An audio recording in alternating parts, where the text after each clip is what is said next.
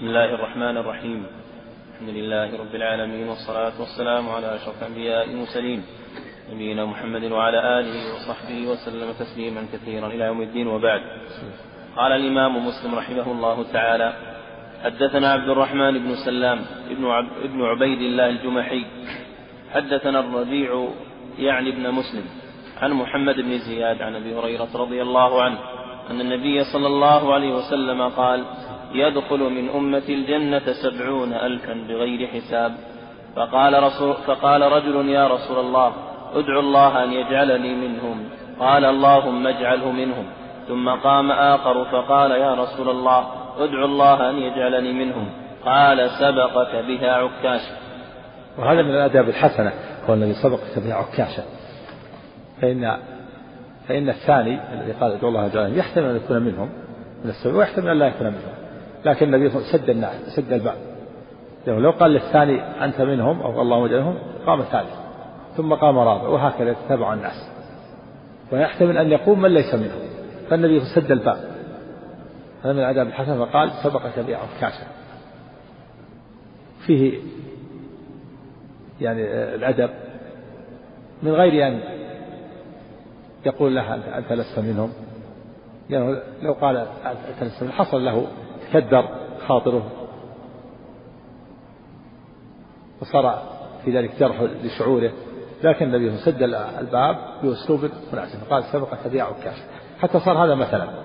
صار مثلا من الأمثال. وقال سبق تبيع عكاش قال لمن أتى بعد الأول قال سبق تبيع عكاش في الشهادة على عكاش بن محصن بأنه من أهل الجنة وأنه من السبعين الفا الذين يدخلون الجنة بغير حساب ولا عذاب. نعم. أما الثاني الذي قال عبد الله يجعل هذا محتمل قال يحتمل أن يكون منه ويحتمل أن لا يكون منه. لكن النبي صلى الله عليه وسلم سجل حتى لا يتابع الناس. نعم. وحدثنا محمد بن بشار قال حدثنا محمد بن جعفر قال حدثنا شعبة قال سمعت محمد بن زياد قال سمعت أبا هريرة رضي الله عنه يقول سمعت رسول الله صلى الله عليه وسلم يقول بمثل حديث الربيع. حدثني حرملة بن يحيى قال أخبرنا ابن وهب قال أخبرني يونس عن ابن شهاب قال حدثني سعيد بن المسيب أن أبا هريرة رضي الله عنه حدثه. قال سمعت رسول الله صلى الله عليه وسلم يقول يدخل من أمتي زمرة هم سبعون ألفا تضيء وجوههم إضاءة القمر ليلة البدر. قال أبو هريرة رضي الله عنه. فقام فقام عكاشة بن محصن الأسدي يرفع نمرة عليه. فقال يا رسول الله ادعو الله أن يجعلني منهم. فقال رسول الله صلى الله عليه وسلم اللهم اجعله منهم. ثم قام رجل من الأنصار فقال يا رسول الله ادعو الله أن يجعلني منهم. فقال رسول الله صلى الله عليه وسلم سبقك بها عكاشة والنمرة قطعة من القماش مخططة فيها خطوط وهذا في في بيان أن هذه الأمة يدخل الجنة منها سبعون ألفا وأنهم أول زمرة يدخلون الجنة وأن وجوههم كوجوه القمر على صورة القمر ليلة البدر من الإضاءة. وجاء في حديث آخر في غير الصحيح وسنده لا بأس لا بأس به أنه يدخل الجنة مع كل ألف سبعون ألفا. وثلاث حثيات من حثيات ربي. قال إن الله زادني معكم في جاء في حديث صحيح في غير الصحيحين أن النبي قال إن الله زادني مع كل ألف سبعون ألفا وثلاث حثيات من حثيات ربي. ثلاث حثيات لا يعلم عددها إلا الله. هذا في فضل عظيم في دليل على أن على أنه الذي يدخل الجنة بغير حساب ليسوا سبعين ألف ومع كل ألف سبعون ألفا وثلاث حثيات من حثيات ربي. يكون مع كل ألف سبعون ألف. فإذا ضربت سبعون ألف بسبعين ألف كم يأخذ؟ سبعون بسبعون مئة وأربعين. وثلاث حثيات من حثيات الله عز وجل. وجاء في حديث آخر أنه مع كل واحد سبعون ألفا لكن هذا حديث ضعيف لا تقوم بالحجة. أنه مع كل واحد مع كل واحد سبعون ألفا لكن الحديث الصحيح مع كل ألف سبعون ألفا. وثلاث حثيات من حثيات الله. وهذا فضله وإحسانه سبحانه وتعالى. نعم سبعين ألف في سبعين ألف مئة وأربعين ألف. نعم. نعم. وحدثني حرملة بن يحيى قال حدثنا عبد الله نعم. بن وهب.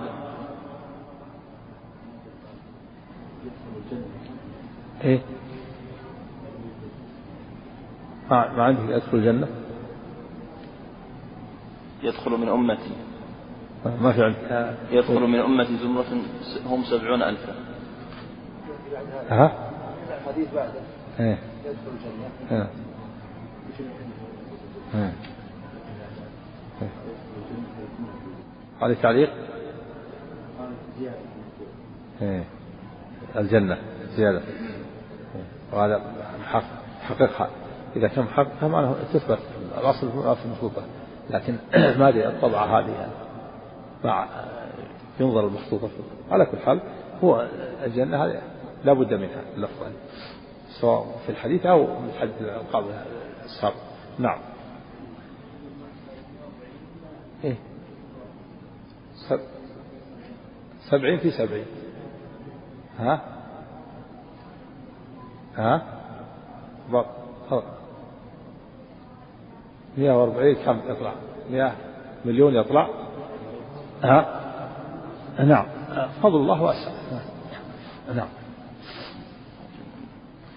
وحدثني حرملة بن يحيى قال حدثنا عبد الله بن وهب قال أخبرني حيوة قال حدثني أبو يونس عن أبي هريرة رضي الله عنه أن رسول الله صلى الله عليه وسلم قال يدخل الجنة من أمتي سبعون ألفا زمرة واحدة منهم على صورة القمر.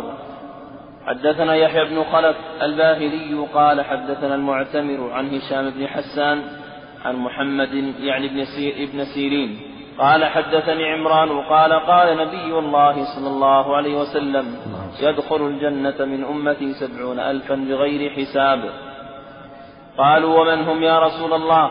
قال هم الذين لا يكتبون ولا يسترقون وعلى ربهم يتوكلون. فقام عكاشة فقال ادعو الله أن يجعلني منهم. قال أنت منهم. قال فقام رجل فقال يا نبي الله ادعو الله أن يجعلني منهم. قال سبقك بها عكاشة لا يكتوون ولا ولا يسترقون. وعلى ربهم يتوكلون. هذا في الحديث الآخر زيادة ولا ولا يتطيرون. أعمالهم أربعة كما سيأتي. لا يسترقون ولا يتطيرون ولا يكتوون وعلى ربهم يتوكلون. هذه أعمال السبعة لا يسترقون لا يطلبون أحدا يرقيهم وهي الرقية قراءة.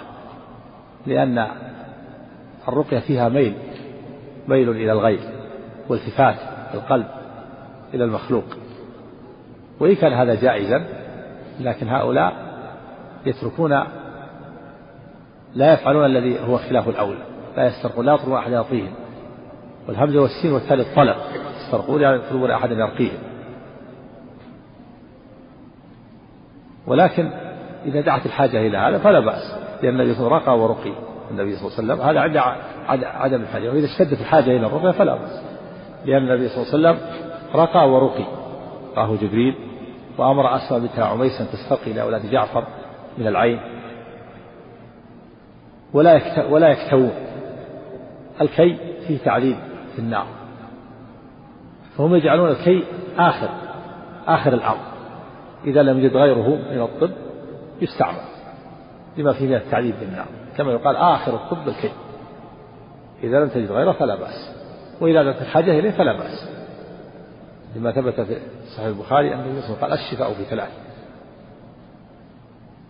شرطة محجم وشربة عسل وثية من نار وما أحب أن أكتوي فإذا دعت الحاجة إليه تعين للعلاج فلا بأس. لكن كون الإنسان أول شيء يبدأ بالكي لا ينبغي أن يؤخره.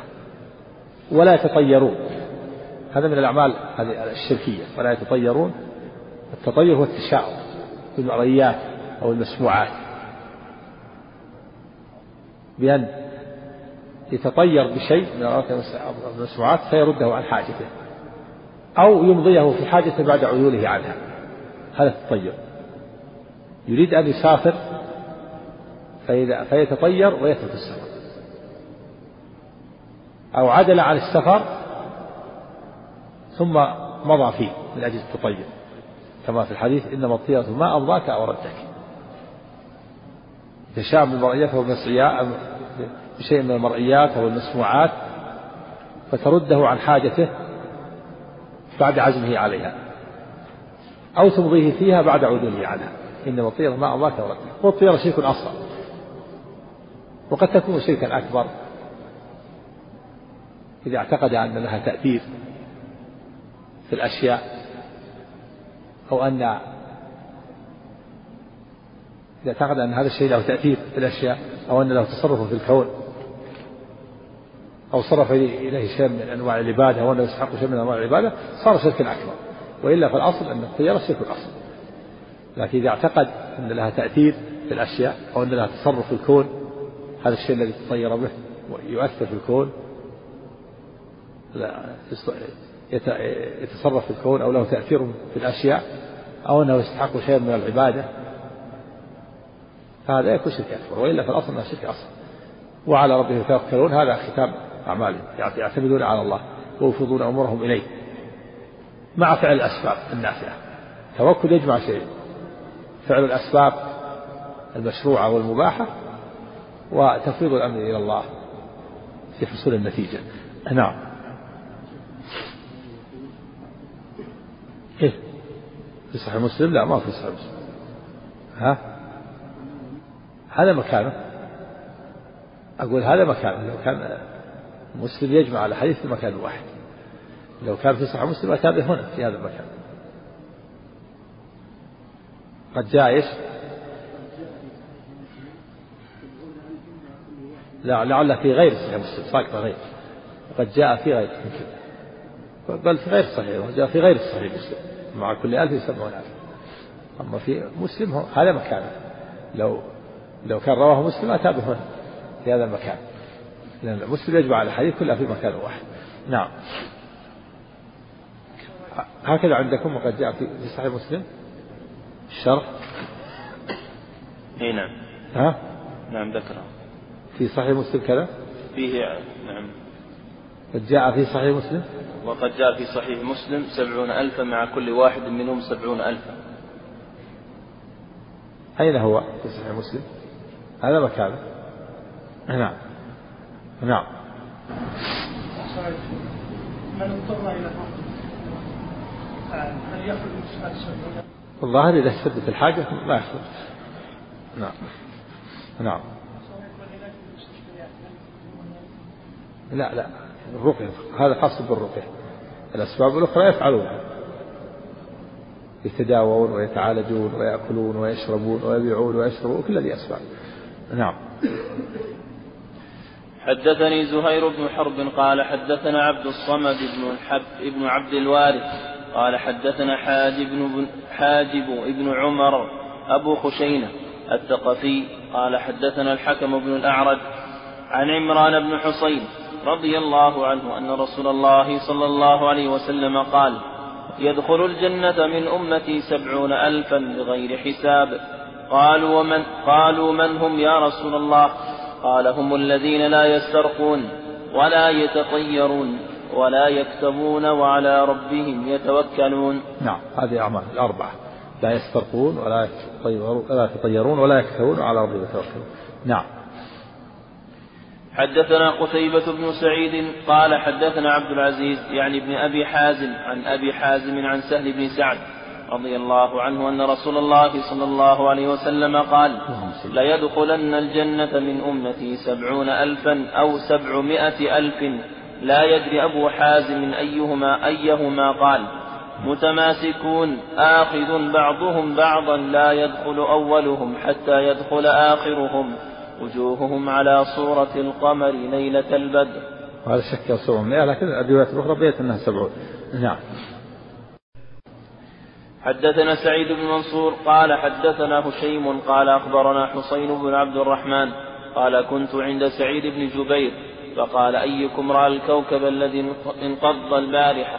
قلت أنا. ثم قلت أما إني لم أكن في صلاة ولكني لدغت. قال فماذا صنعت؟ قلت هذا استرقيت. هذا فيه قوله أما إني لم أكن في صلاة ولكني لدغت. أراد أن ينفي عن نفسه اتهام العبادة وأنه سهر لأجل الصلاة والتهجد في الليل. فقال حسين عبد الرحمن أنا لم أكن في الصلاة. قال أيكم رأى الكوكب الذي انقض في الليل في وسط الليل انقض؟ قال أنا. ثم خشي أن يتهم بأنه يصلي فأراد أن يبعد عن نفسه. تهمة العبادة. قال أنا ما أنا لست أصلي ولكن الذي جعلني أستيقظ في منتصف الليل أني لدغت لدغتني عقرب. فهذا هو السبب. فأراد أن ينفي عن نفسه اتهام العبادة. فيه بعد السلف عن الرياء. وحذرهم من من من من, أن يتزين الإنسان بما ليس فيه. قال ما لم أكن فيه ولكني لدغت يعني لدغتني عقرب. اللدغ هو لدغ ذوات السمو الحية والعقرب. قال لي جعلني أرى الكوكب الذي انقض ما هو لا لأني أصلي بل لأني ملدوغ لدغت فسهرت من أجل لدغة العقرب. نعم. نعم. أخبرنا حسين بن عبد الرحمن قال كنت عند سعيد بن جبير. فقال أيكم رأى الكوكب الذي انقض البارحة؟ قلت أنا. ثم قلت أما إني لم أكن في صلاة ولكني لدغت قال فماذا صنعت؟ قال قلت قال فماذا صنعت؟ قلت استرقيت. قال فما حملك على ذلك؟ قلت حديث حدثناه الشعبي. فقال وما حدثكم الشعبي؟ قلت حدثنا عن بريدة بن حصيب الأسلمي أنه قال لا رقية إلا من عين أو حمى. فقال قد أحسن من انتهى إلى ما سمع. ولكن حدثنا ابن عباس رضي الله عنهما. يعني يقول ماذا عملت لما لدغت قال استرقيت. والهمزة والسين والثلاثة. يعني طلبت أحد يرقيني. يقرأ عليه الرقية. قال ما الذي حملك على ذلك؟ في مطالبة الإنسان بالدليل فيما يعمله. هات الدليل. عندك دليل؟ لماذا استرقين قال نعم حديث. حدث له الشعبي. قال ما حدثكم؟ ذكر الحديث الذي قال لا رقية إلا من عين حبة فقال قد قد أحسن من انتهى إلى ما سبق. يعني من بلغه الدليل فعمل به فقد أحسن. يعني عندك دليل وعملت به قد أحسنت. لكن عندنا دليل آخر سأورده عليك. لا ومعنى لا رقية إلا من عين الحمى يعني لا رقية أشفى وأولى من الرقية في العين والحمى. والعين إصابة العائن. إصابة العائن غيره بعينه. أن يصيبه بعينه. العائن هو الذي تتكيف نفسه فيخرج من من نفسه شيء وتساعده الأرواح الشيطانية فيصاب المعين يصاب بالعين. يعني ينظر إليه ينظر إلى شخص فيصيبه بعينه. هذا الرقية طيبة له من أحسن ما يكون. وكذلك الحمى ذوات السموم العقرب والحية. فهذا النوعان من الألم الرقية فيهما أحسن ما يكون من أحسن ما يكون. لا رقية إلا ليس معناها أن الرقية لا تكون إلا في هذه النوعين بل المعنى أن الرقية في هذه النوعين أولى وأشفى من غيرها. وأما ما عداهم من الأمراض لا بأس بالرقية. في قول النبي صلى الله عليه وسلم اعرضوا علي رقاكم لا بأس بالرقى ما لم تكن شركا الرقية في كل شيء جائزة ما لم تكن شركا لكن في هذين النوعين من المرض الرقية أولى وأشفى ما تكون. لا رقية أولى وأشفى من رقية العين أو الحمى. قال أنت ما دام عندك دليل أحسنت. لكن سأورد عليك دليل آخر. يبين لك أن ترك الرقية أفضل. وأن السبعين ألف الذين يدخلون الجنة بغير حساب ولا عذاب لا يسترقون ولا يطلبون أحد يرقيهم نعم كم ولكن. ولكن حدثنا ابن عباس رضي الله عنهما عن النبي صلى الله عليه وسلم قال عرضت علي الأمم فرأيت النبي ومعه الرهيط والنبي ومعه الرجل والرجلان والنبي ليس معه أحد. إذ رفع لي, إذ رفع لي سواد عظيم فظننت أنهم أمتي فقيل لي هذا موسى صلى الله عليه وسلم وقومه. ولكن انظر إلى الأفق. فنظرت فإذا سواد عظيم.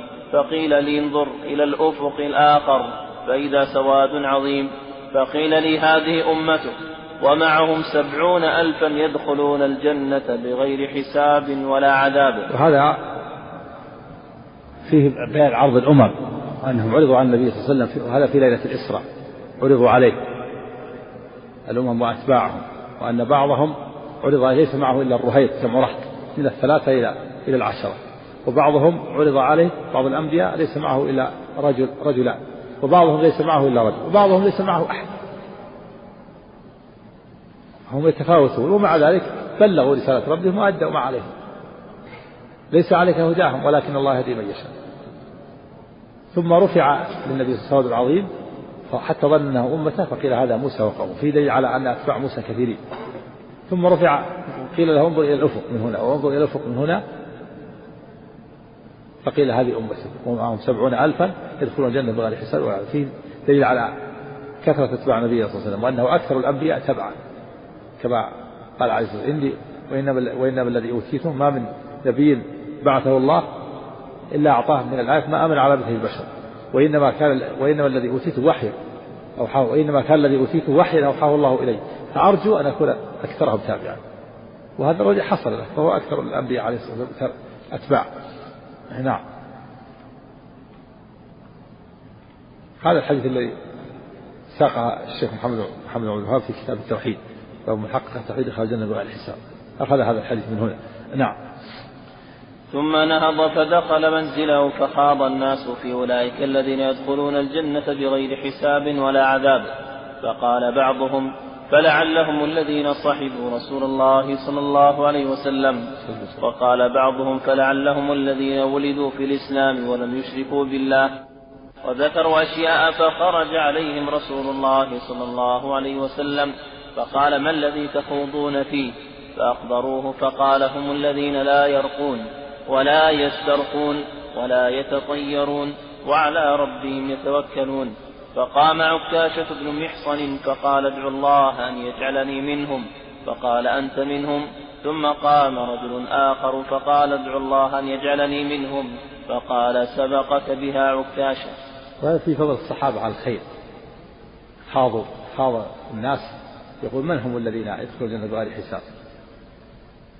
من حرصهم. يخوضون. حتى ذكروا أشياء خرج عليهم النبي صلى الله عليه وسلم فأخبرهم بالصفات هذا في بين حث الصحابة عن الخير خاضوا وجعلوا حتى بحثوا عن هؤلاء السبعين ألفا حتى يعلموا صفاتهم ويعملوا بها. فبين لهم النبي صلى الله عليه وسلم لكن هذه الرواية فيها زيادة. قال هم الذين لا يرقون ولا يسترقون ولا يتطيرون وعلى ربهم يتوكلون. الحديث السابقة فيها أربع صفات. لا يسترقون ولا يتغيرون ولا يكترون على أنفسهم وعلى ربهم يتوكلون. هنا في ذلك لا يرقون ولا يسترقون. وهذه اللفظة وهي لفظة لا يرقون ذهب بعض المحققين كشيخ الإسلام ابن تيمية رحمه الله إلى أنها وهم من بعض الرواة. قالوا هذه لا يقول وهم. بدليل أنه خلا منها أكثر الأحاديث. وقال لأن المسترقي يختلف عن الراقي. المسترقي طالب للغير يطلب غيره أن يرقيه. فهو ملتفت إلى الغير قد التفت قلبه إلى المخلوق. بخلاف الراقي فإنه محسن. الراقي ليقرأ هذا محسن. فكيف يكون الراقي مثل المسترقي؟ يقول لا يرقون يعني لا لا يقرؤون على أحد ولا يطلبون أحد يقرأ عليهم الرقية الشرعية فرق بينهم. المسترقي هذا طالب للغير ملتفت قلبه إلى الخلق والراقي محسن. جاء وأحسن وقرأ. ورقى هذا الشخص. فكيف يكون هذا مثل هذا؟ فذهب الشيخ الإسلام وجماعة يوحق إلى أنها وهم بعض الرواة. وذلك لأن الراقي يختلف عن المسترقي. المسترقي طالب للغير والراقي محسن. فكيف يكون مثله؟ وذهب بعضهم إلى أن إلى أنها ليست وهما. وقال إن الأصل أن لا يغلط الحفاظ. فكيف يغلط الحفاظ في مثل هذا؟ ويمكن توجيه الراقي كما وجه المسترقي ذهب إلى هذا الحافظ بن حجر في فتح الباري في كتاب اللقاء صفة الجنة والنار في الجزء الحادي عشر. قال إن إن تغليط الحفاظ كان يرد على شيخ الإسلام ابن تيمية. قال إن تغليط الحفاظ ليس بالأمر الهين فلا يغلط الحفاظ ويقال هذا وهم وغلط من الحفاظ. ويمكن توجيه الراقي وكما يقال إن إن المسترقي ليس له أن يطلب أحدا أن يرقيه فكذلك الراقي ليس له أن يمكن أحد طلبه من الرقية. فكما أن المسترقي لا لا يطلب أحدا يرقيه فكذلك الراقي لا يمكن أحدا يرقيه هذا توجيه الحافظ ولكن الأقرب ما ذهب إليه الشيخ الأقرب أنه وهم كما ذهب إليه أئمة الدعوة. وكما نقل عن أئمة الدعوة شرح كتاب التوحيد وغيره. الأقرب ما ذهب إليه الحافظ آه، ما ذهب إليه شيخ الإسلام ابن تيمية رحمه الله والمحقق من هذا لأن المعنى الذي ذكره واضح. فرق بين الراقي وبين المسترقي ولأن خلا منها أكثر الحديث. خلا من هذه اللفظة لا يقول فالأقرب ما ذهب إليه أما الحافظ فله له اعتراضات رحمه الله. كثيرة يعترض على شيخ الإسلام بعض الأحيان يوجه ولا شك أن شيخ الإسلام محقق أكثر من التوحيد والعقائد أكثر من الحافظ بن حجر. وإن كان الحافظ بن حجر له تحقيقات حديثية إلا أن شيخ الإسلام رحمه الله يفوقه في هذا الباب. شيخ الإسلام إمام أئمة السنة والجماعة. نعم. نعم. نعم. يعني يقول الراقي الحافظ يقول الراقي كذلك. لا لا يمكن أحد. إذا طلب أحد لا لا يعطي أحد. كما أن الراقي لا يطلب أحد يرقيه فكذلك الراقي لا يمكن أحدا من الرقية. لكن ليس بضاحك. الراقي محسن. ومع المحسن يعني سبيل. نعم. ها؟ نعم رقى ورقي. نعم. رقى ورقي نعم. فهذا ما يؤيد نعم أنه نعم. نعم استطاع أن ينفع أخاه فليفعل. والنبي صلى الله عليه وسلم ورقي. نعم. حدثنا أبو بكر بن أبي شيبة. قال حدثنا محمد بن فضيل عن حسين عن سعيد بن جبير. قال حدثنا ابن عباس رضي الله عنهما قال قال رسول الله صلى الله عليه وسلم عرضت علي الأمم ثم ذكر باقي الحديث نحو حديث هشيم ولم يذكر أول حديث. حدثنا هناد بن السر ابن السري. سري. حدثنا هناد بن السري.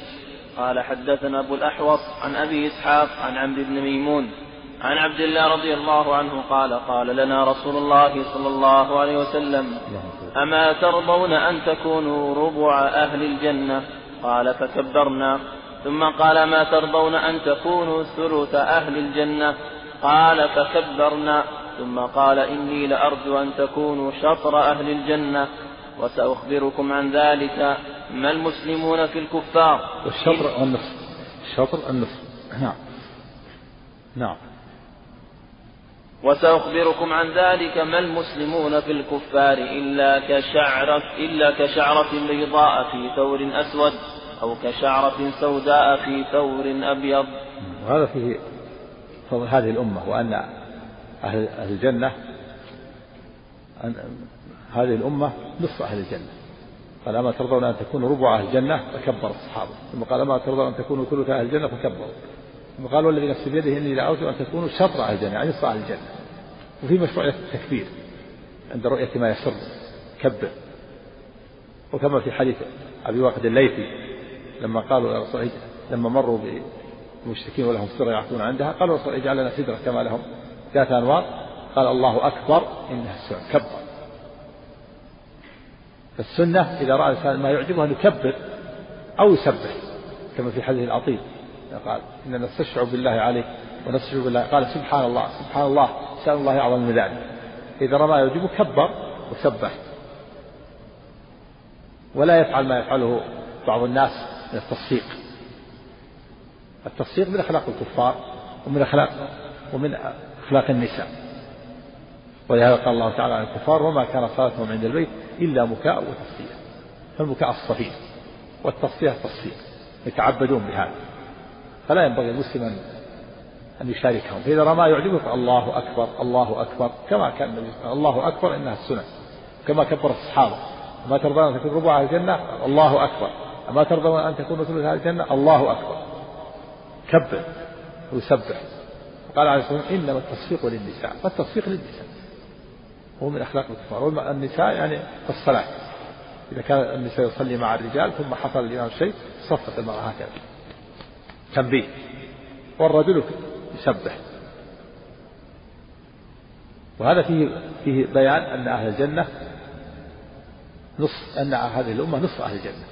وبين النبي صلى الله عليه وسلم ما أنتم في سواكم من الأمم إلا كالشعرة السوداء كالشعرة البيضاء في جلد الثور في جلد الثور الأسود أو كالشعرة السوداء في جلد الثور الأبيض. وجاء في غير الصحيح أن أن هذه الأمة ثلث أهل الجنة. جاء أن أهل الجنة مئة وعشرون صفا وأن هذه الأمة ثمانون صفا فتكون ثلث أهل الجنة. هذا رواه الإمام أحمد وابن ماجه والترمذي من حديث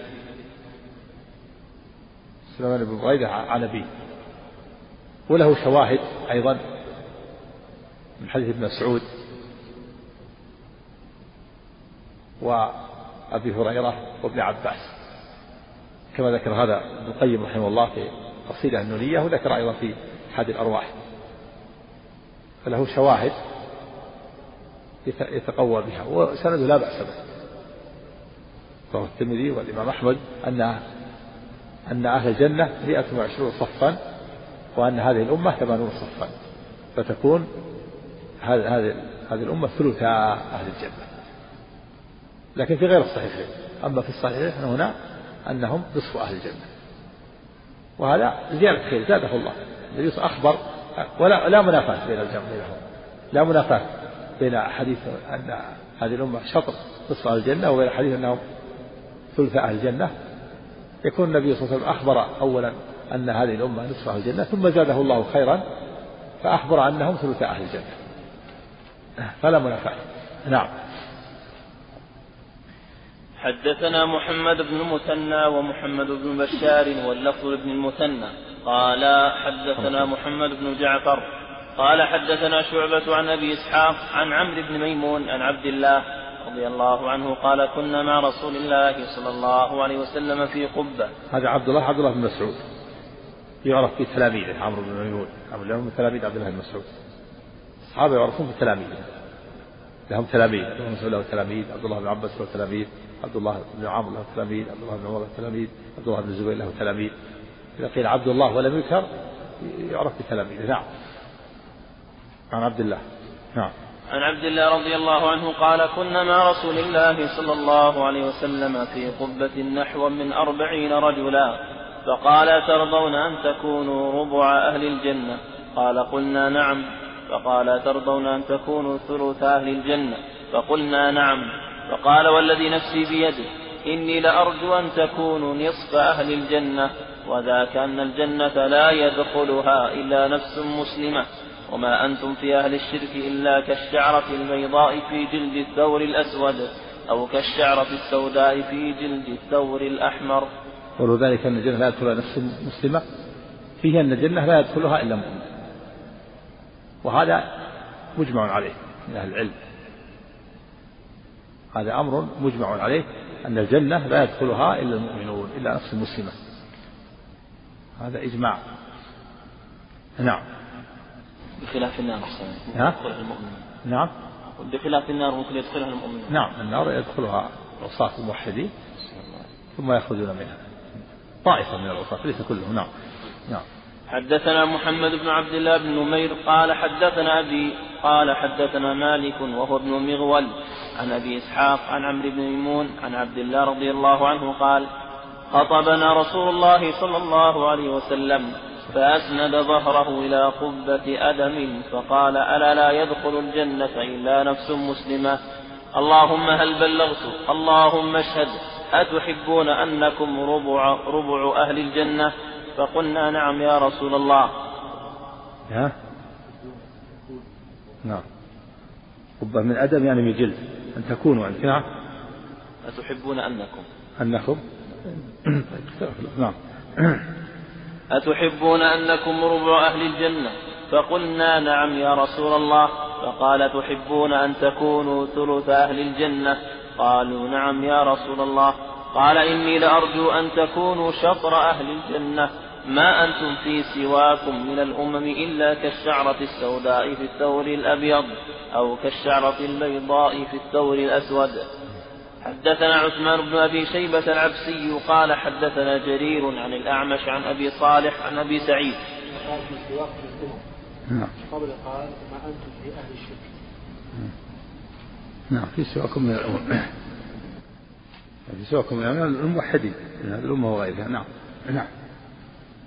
كالشعرة البيضاء في الثور الأسود. نعم. نعم. عن أبي سعيد رضي الله عنه قال قال رسول الله صلى الله عليه وسلم يقول الله عز وجل يا آدم فيقول لبيك وسعديك والخير في يديك. قال يقول قال يقول أخرج بعث النار. قال وما بعث النار؟ قال من كل ألف تسعمائة وتسعة وتسعين. قال فذاك تسعمائة. قال من كل ألف تسعمائة تسعة وت... قال تسعمائة وتسعة وتسعين. قال فذاك حين يشيب الصغير وتضع كل ذات حمل حملها وترى الناس سكارى وما هم بسكارى ولكن عذاب الله شديد.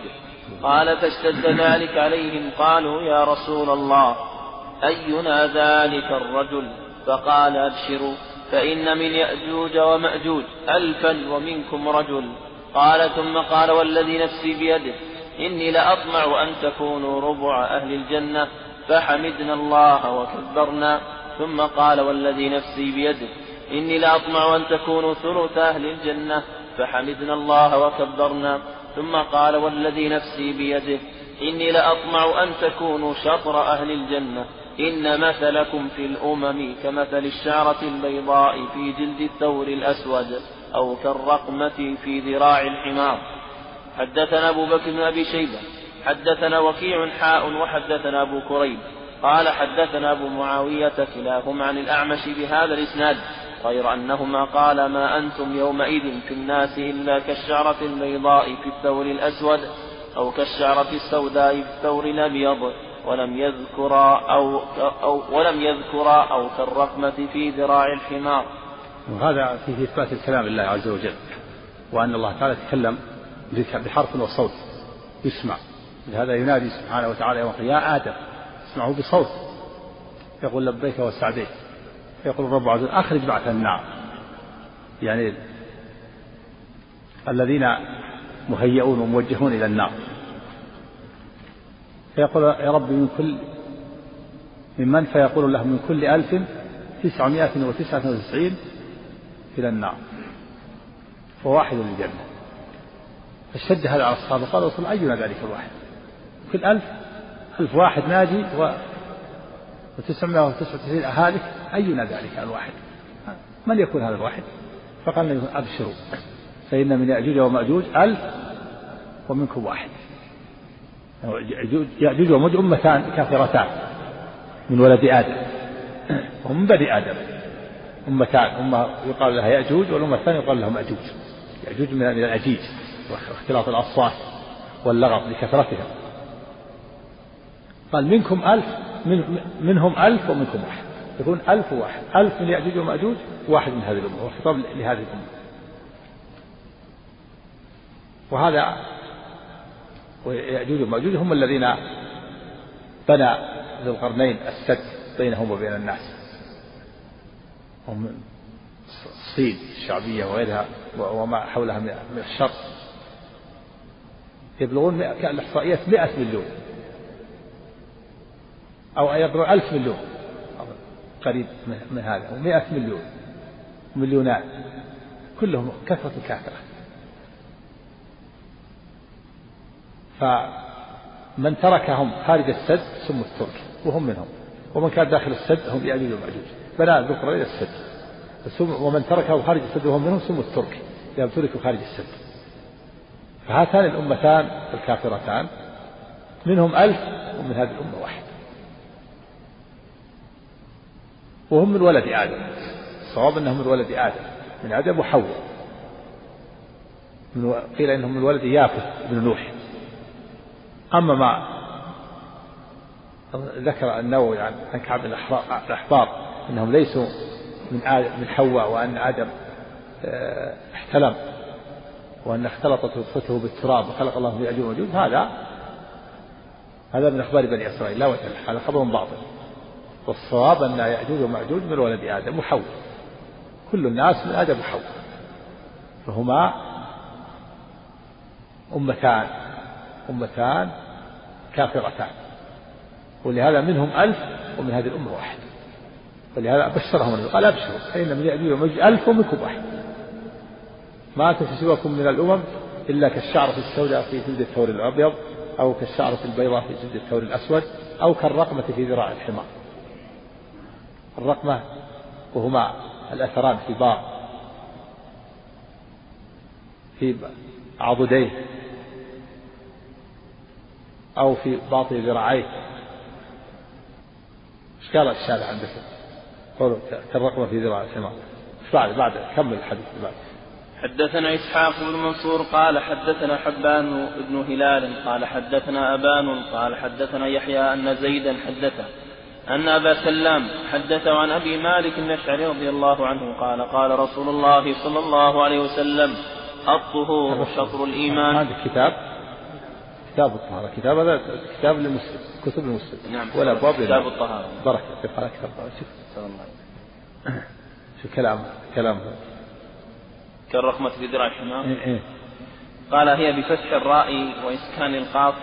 قال أهل اللغة الرقمتان في الحمار هما الأثران في باطن عضديه وقيل هي الدائرة في ذراع في ذراعيه وقيل هي الهنة الناتئة في ذراع الدابة من داخل. والله أعلم بالصواب. قال يأجوج ومأجوج فإن من يأجوج ومأجوج ألف منكم رجل هكذا هو في الأصول والروايات ألف ورجل بالرفع فيهما. وهو صحيح وتقديره أنه بالهاء التي هي ضمير الشأن. لا بس يأجوج كلام على يأجوج ومأجوج. قولوا يأجوج ومأجوج. نعم. وأما يأجوج ومأجوج فهما غير مهموزين عند جمهور القراء وأهل اللغة وقرأ عاصم بالهمز فيهما وأصله من أجيج النار وهو صوتها وشررها شبهوا به لكثرتهم وشدتهم واضطرابهم بعضهم في بعض. هذا وجه تسمية يأجوج. يقال يأجوج ويأجوج بالهمز وبغير الهمز. نعم. قال وهب بن منبه ومقاتل بن سليمان هم من ولد يافث بن نوح. وقال الضحاك هم جيل من الترك. وقال كعب بن هم بادرة من ولد آدم من غير حواء.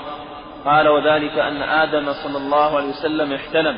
فامتزجت نطفته بالتراب فخلق الله تعالى منها يأجوج ومأجوج والله أعلم. هذا قول كعب قول باطل. قول كعب الأحبار هذا ما أخذ من بني إسرائيل. والصواب أنهم من آدم وحواء الوادي آدم وحواء ليس هناك أحد من الناس إلا من آدم وحواء نعم. قال ويأجوج ومأجوج خلق كفار وراء سد وراء سد في القرنين نعم. والمراد به في الحديث هم ومن كان على كفرهم. كما أن المراد بقوله منكم. إيش؟ والمراد بهم الحديث. المراد بهم الحديث هم ومن كان على كفرهم. نعم. كما أن المراد بقوله منكم أصحابه ومن كان على ها؟ إيمان أصحابه؟ كم كما أن المراد؟ بقوله منكم أصحابه ومن كان على إيمان صحيح.